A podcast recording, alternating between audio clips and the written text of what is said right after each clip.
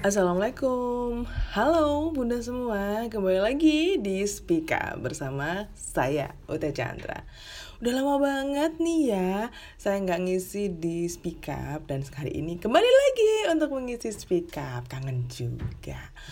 Hmm, mohon maaf nih kalau suaranya agak uh, bindeng ya Emang agak sedikit flow Tapi semoga uh, Apa namanya Informasi yang akan saya sampaikan hari ini bisa bermanfaat buat orang tua orang tua baru. Nah di sini nih karena kemarin banyak banget denger ada beberapa orang tua yang ada beberapa orang yang uh, baru aja melahirkan anak pertamanya. Selamat untuk teman-teman di mercusuar yang barusan aja melahirkan anak pertama, kedua atau ketiga. Memang melahirkan itu akan menjadi pengalaman yang paling berharga untuk setiap perempuan. Nah, tapi untuk para yang uh, anak pertama nih, nah hari ini kita mau ngasih uh, tips parenting untuk orang tua baru supaya untuk menambah informasi dan juga pengetahuan dari bunda-bunda uh, semua, orang tua orang tua lama atau orang tua orang tua senior juga boleh deh untuk merefresh lagi ya. Mungkin ada yang ke skip deh kemarin-kemarin. Nah ini nih untuk menjadi orang tua baru. Itu kan kayak menjadi sebuah pencapaian yang luar biasa ya dan yang perlu kita syukuri juga.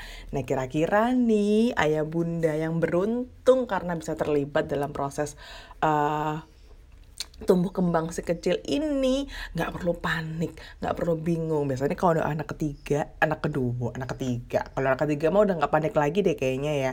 Kalau udah anak kedua aja udah mulai turun tuh kepanikannya. Tapi nih untuk yang anak pertama tara jeng jeng jeng pasti banyak banget perasaan-perasaan aduh gimana nih gimana nih gimana nih aduh harus apa nih ngebagi waktunya begadang. Apalagi yang masih aduh umur hitungannya masih usia-usia hari gitu kan ya.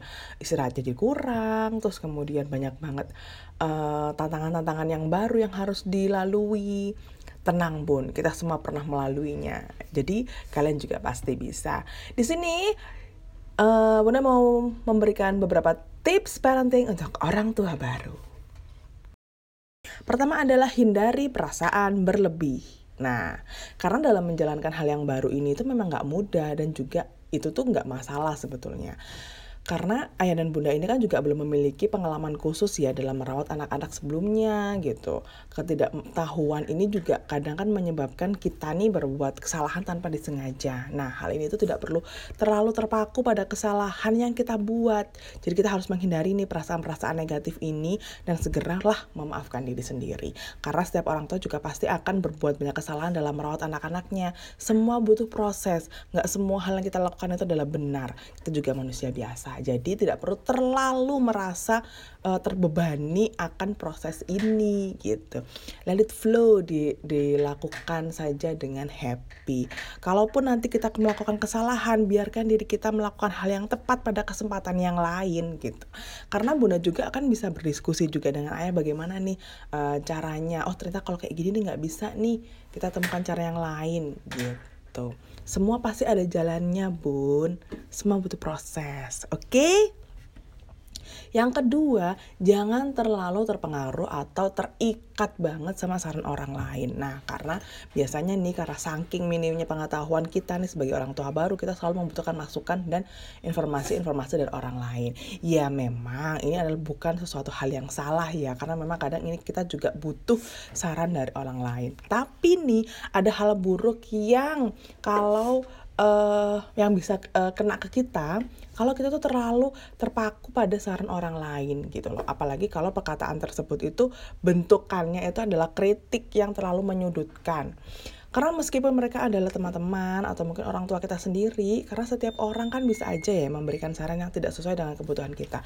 Karena yang tahu kondisi si anak sendiri yang pastinya itu adalah kita. Yang ngejalanin juga kita nih. Jadi tidak perlu mengikuti saran mereka secara mutlak tapi mungkin bisa di mix and match atau mungkin ada kita juga bisa menyesuaikan dengan kebutuhan si kecil juga gitu.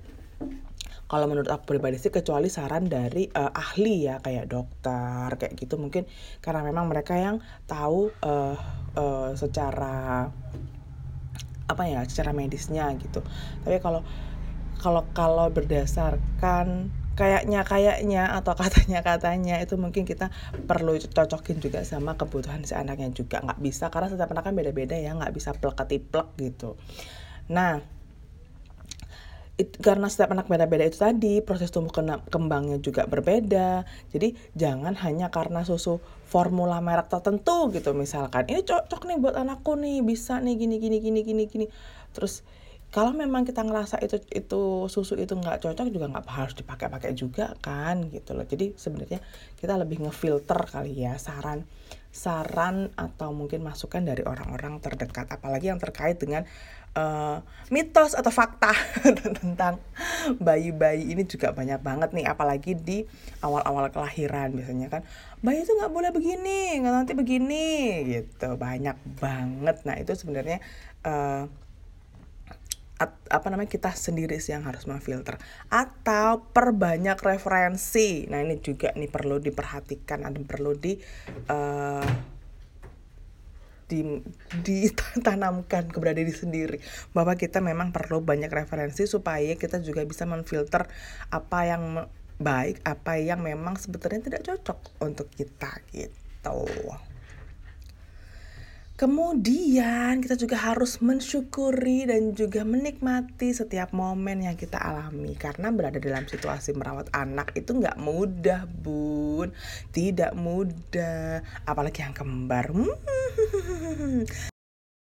Jadi kita hanya perlu melakukannya dengan penuh syukur, penuh tawa, dan senyuman. Karena apa? Karena proses tumbuh kembang anak ini dapat terasa sangat cepat. Jadi nggak sadar tahu-tahu dia udah duduk eh dia udah merangkak dulu ya dia udah merangkak udah duduk udah jalan. Eh tiba-tiba udah di sekolah.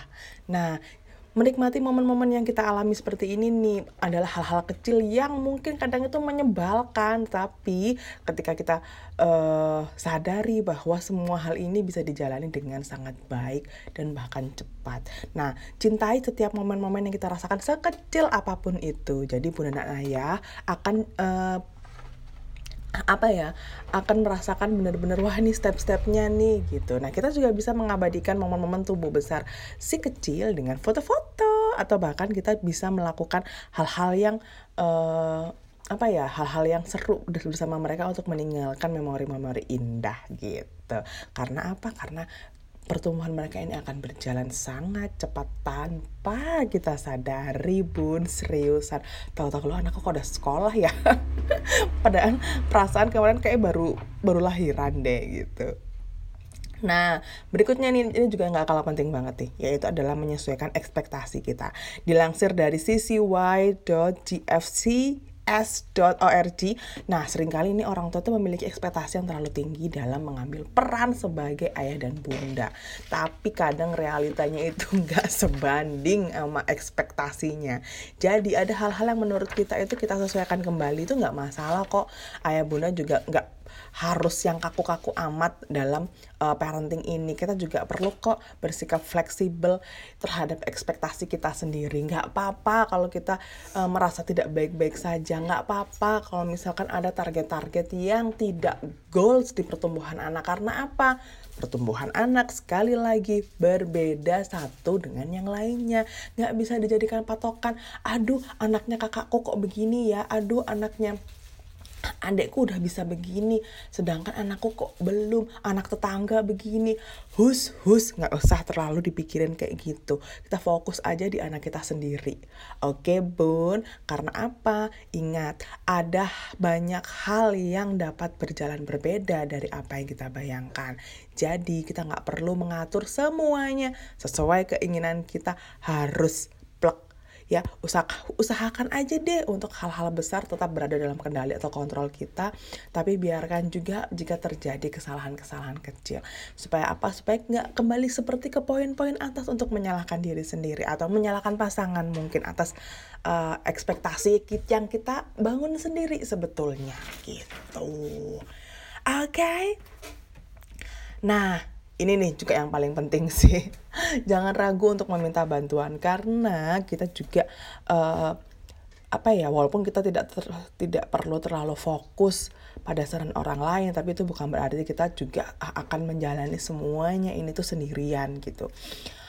Kita nggak papa kok sekali-sekali meminta bantuan. Kita jika kita memang perlu bantuan atau kita merasa sudah uh, perlu sedikit istirahat boleh. Sekali bahkan harus untuk meminta bantuan gitu kan ini kalau dikutip dari lifehack.org Bunda itu dapat mempercayakan orang-orang di hidupmu untuk menawarkan bantuan. Mungkin ada pengalaman dari mereka yang bisa membantu gitu loh. Mungkin ibu lah atau ibu mertua yang paling deket nih misalkan yang bisa membantu atau mungkin kakak atau adik yang juga bisa membantu. Setidaknya uh, bukan memindahkan tanggung jawabmu tapi membantu tanggung jawabmu dalam mengurus anak-anak. Mungkin sekedar untuk menunggu si baby kala uh, kita sedang mandi atau kala kita sedang uh, me time sejenak supaya kita bisa refresh juga gitu. Tenang aja bun. Itu nggak masalah kok. Dan kita juga perlu meluangkan waktu untuk istirahat karena apa? Sekali lagi merawat anak-anak itu awalnya memang sungguh-sungguh-sungguh memakan tenaga dan juga waktu. Selalu aja ada hal-hal kecil yang membuat kita panik, khawatir gitu kan ya sehingga kita juga kurang banget istirahat apalagi di awal-awal uh, anak baru lahir itu begadang juga. Nah, banyak orang tua baru nih yang melakukan kesalahan-kesalahan yang sama yaitu mencurahkan pikiran dan juga tenaganya semua hanya untuk merawat anak. Nggak salah sih, memang karena itu masih euforia menjadi seorang ibu. Tapi yang perlu kita ketahui juga dan perlu kita sadari adalah menjaga dan juga merawat diri kita sendiri juga perlu karena kita juga butuh istirahat dan juga makan makanan yang bergizi dengan baik. Karena apa? Karena kalau kita sakit, anak-anak gimana gitu kan. Jadi sebaiknya bunda-bunda semua memanfaatkan waktu luang untuk beristirahat dari melakukan kegiatan-kegiatan lain gitu. Misalkan ya kalau waktunya anaknya istirahat mungkin kita bisa istirahat ya walaupun sih pasti ada yang bilang kalau anaknya tidur ya aku beberes bon iya sih memang karena pekerjaan domestik itu selalu wow. Tapi kembali lagi ya bun upayakan masih ada waktu-waktu untuk me time atau untuk beristirahat yang cukup. Karena selain juga kondisi fisik kita juga perlu merefresh kondisi mental kita juga nih untuk membantu supaya kita lebih siap lagi merawat sekecil sekecil di rumah. Selanjutnya ada sikap yang perlu juga kita miliki yaitu tidak panikan atau nggak gampang panik. Nah di masa-masa pertumbuhan awal nih anak-anak itu sangat lemah dan juga rentan. Nah kesalahan-kesalahan kecil dari kita nih kadang-kadang juga bisa membuat anak-anak tuh kayak nangis gitu kan ya tiba-tiba, lo kenapa kok nangis gitu. Nah nggak perlu panik waktu ngedengerin tangisannya anak karena apa ya usia-usia awal emang kayak gitulah cara mereka untuk mengkomunikasikan sesuatu dengan kita nah orang tua kita orang tua kita kita nih sebagai orang tua maksudnya dia dapat menenangkan diri juga ketika menghadapi tangisan-tangisan anak kayak gini. Kita dapat mulai memahami nih arti-arti tangisan kapan mungkin dia lagi pengen dipeluk pengen digendong atau mungkin dia lagi lapar atau dia ada sesuatu yang nggak nyaman lah dalam dalam diri dia gitu misalkan. Nah semoga nih uh, ayah bunda semua bisa cepat mengerti eh, kode-kode dari anak tapi biasanya sih kalau ibu pasti ngerti sih bahkan kadang bahasa-bahasa uh, bahasa-bahasa dreamlandnya anak-anak itu cuman mamanya yang paham dia ngomong apa itu cuman kita yang paham kadang ayahnya aja belum tentu paham. Jadi dari semua tadi yang udah kita obrolin nih Bun, sebagai orang tua baru, semoga tetap semangat ya. Jangan panik, jangan uh, apa namanya itu jangan terlalu merasa bersalah juga. Nikmati semuanya. Nggak perlu ragu untuk meminta bantuan jika memang diperlukan atau meminta saran dari orang lain. Tapi kembali lagi untuk saran dan kritik mohon dicerna dulu tidak diterima mentah-mentah. Karena semua anak berbeda kita kita filter dulu, kita cocokin dulu sama kondisi di rumah, kondisi anak, kondisi kita juga apakah bisa diterapkan di anak-anak gitu kita. Nah, yang perlu diingat lagi adalah kalian, ibu-ibu kita semua nih yang berprofesi sebagai seorang ibu adalah hal terbaik yang dimiliki oleh si kecil. Jadi, manfaatkan itu sebaik mungkin. Semangat, semangat, semangat. Oke deh, sepertinya uh, aku harus menghentikan dulu obrolan kita hari ini karena apa? Karena suaranya sudah mulai agak mengganggu. Terima kasih untuk yang sudah mendengarkan. Semoga informasi tadi bermanfaat ya. Informasi yang tadi uh, aku sampaikan dilansir dari popmama.com. Semoga bermanfaat. Sekali lagi mohon maaf kalau ada yang salah. Ketemu lagi di Speak Up minggu depan bersama aku atau Bunda Mel. Terima kasih. Wassalamualaikum.